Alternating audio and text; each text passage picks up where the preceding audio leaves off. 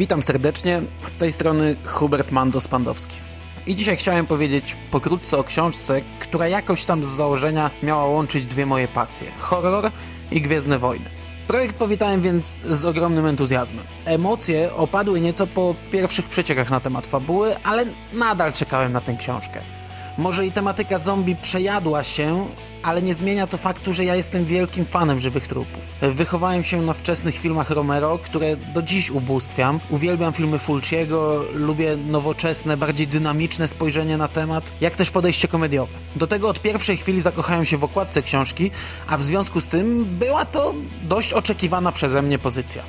Joe Schreiber, autor Szturmowców Śmierci, tak zapowiadał swoją książkę. Chciałem napisać dokładnie taką powieść, jaką chcielibyście przeczytać, gdybyście byli dziećmi z lat 70., które wyrastały oglądając oryginalną trylogię Star Wars. Ma ona mieć coś z lśnienia Stephena Kinga oraz Obcego, z niewielką dozą klimatu książek Williama Gibsona.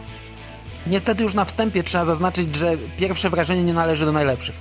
Książka wita nas świetną okładką, ale wystarczy rzut oka do wewnątrz, by zaczęła odrzucać. Powieść ma 250 stron, ale trzeba tu wziąć poprawkę na kilka sztucznie rozdmuchujących ją elementów.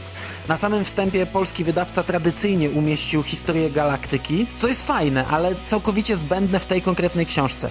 Szturmowców śmierci może przeczytać osoba, która przespała ostatnie 30 lat i nie wie, co to są Gwiezdne Wojny jakiekolwiek wprowadzenie w temat jest tu po prostu zbędne. Właściwa treść powieści zaczyna się na 35 stronie, ale i to nie koniec rozpychania objętości. Książka ma 45 rozdziałów z których każdy zaczyna się w połowie strony i średnio tak też się kończy. Co za tym idzie, z wyjściowych 250 należy już odjąć jakieś 75 stanowiących wprowadzenie i światło stron. Rozdziały mają swoje tytuły, co jest ewenementem w tym uniwersum, ale także nieco komicznym zagraniem, biorąc pod uwagę fakt, że najkrótszy z nich ma półtorej strony, a najdłuższy około sześć.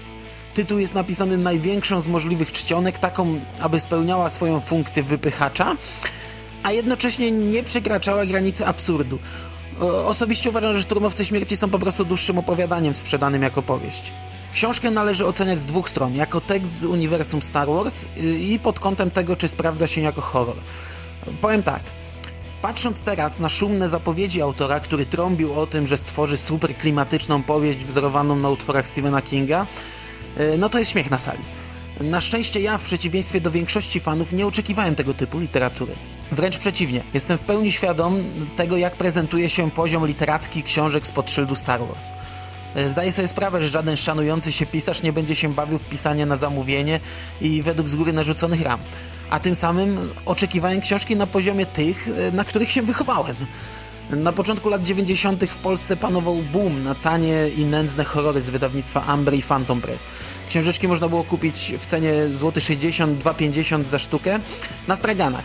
Ja wychowałem się na tym syfie kupowanym na kilogramy, a że od prawie dwóch dekad czytam już nieco ambitniejszą literaturę, cieszyłem się na powrót do tego typu horroru. I muszę przyznać, że dostałem to, czego oczekiwałem. Wbrew temu, o czym zapewniał nas sam autor, to nie jest książka nastawiona na klimat. Ale też nie każdy horror musi straszyć.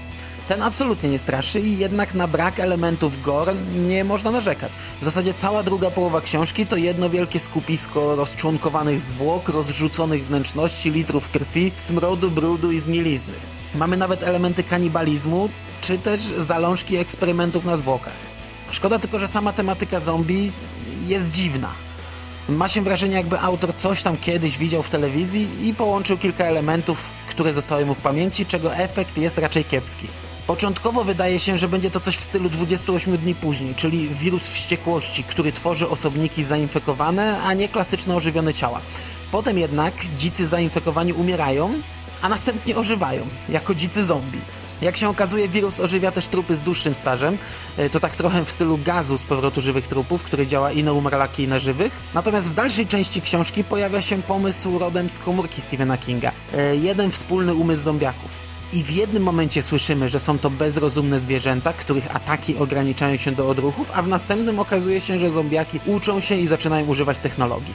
Tak jak książka od biedy sprawdza się jako kiczowaty horror, tak niestety absolutnie nie sprawdza się w roli przedstawiciela powieści z uniwersum Star Wars. Oczywiście zgadzam się z tym, że jest to ciekawy eksperyment i absolutna nowość w tym świecie, ale niestety ta książka z powodzeniem mogłaby się rozegrać w każdej innej scenerii.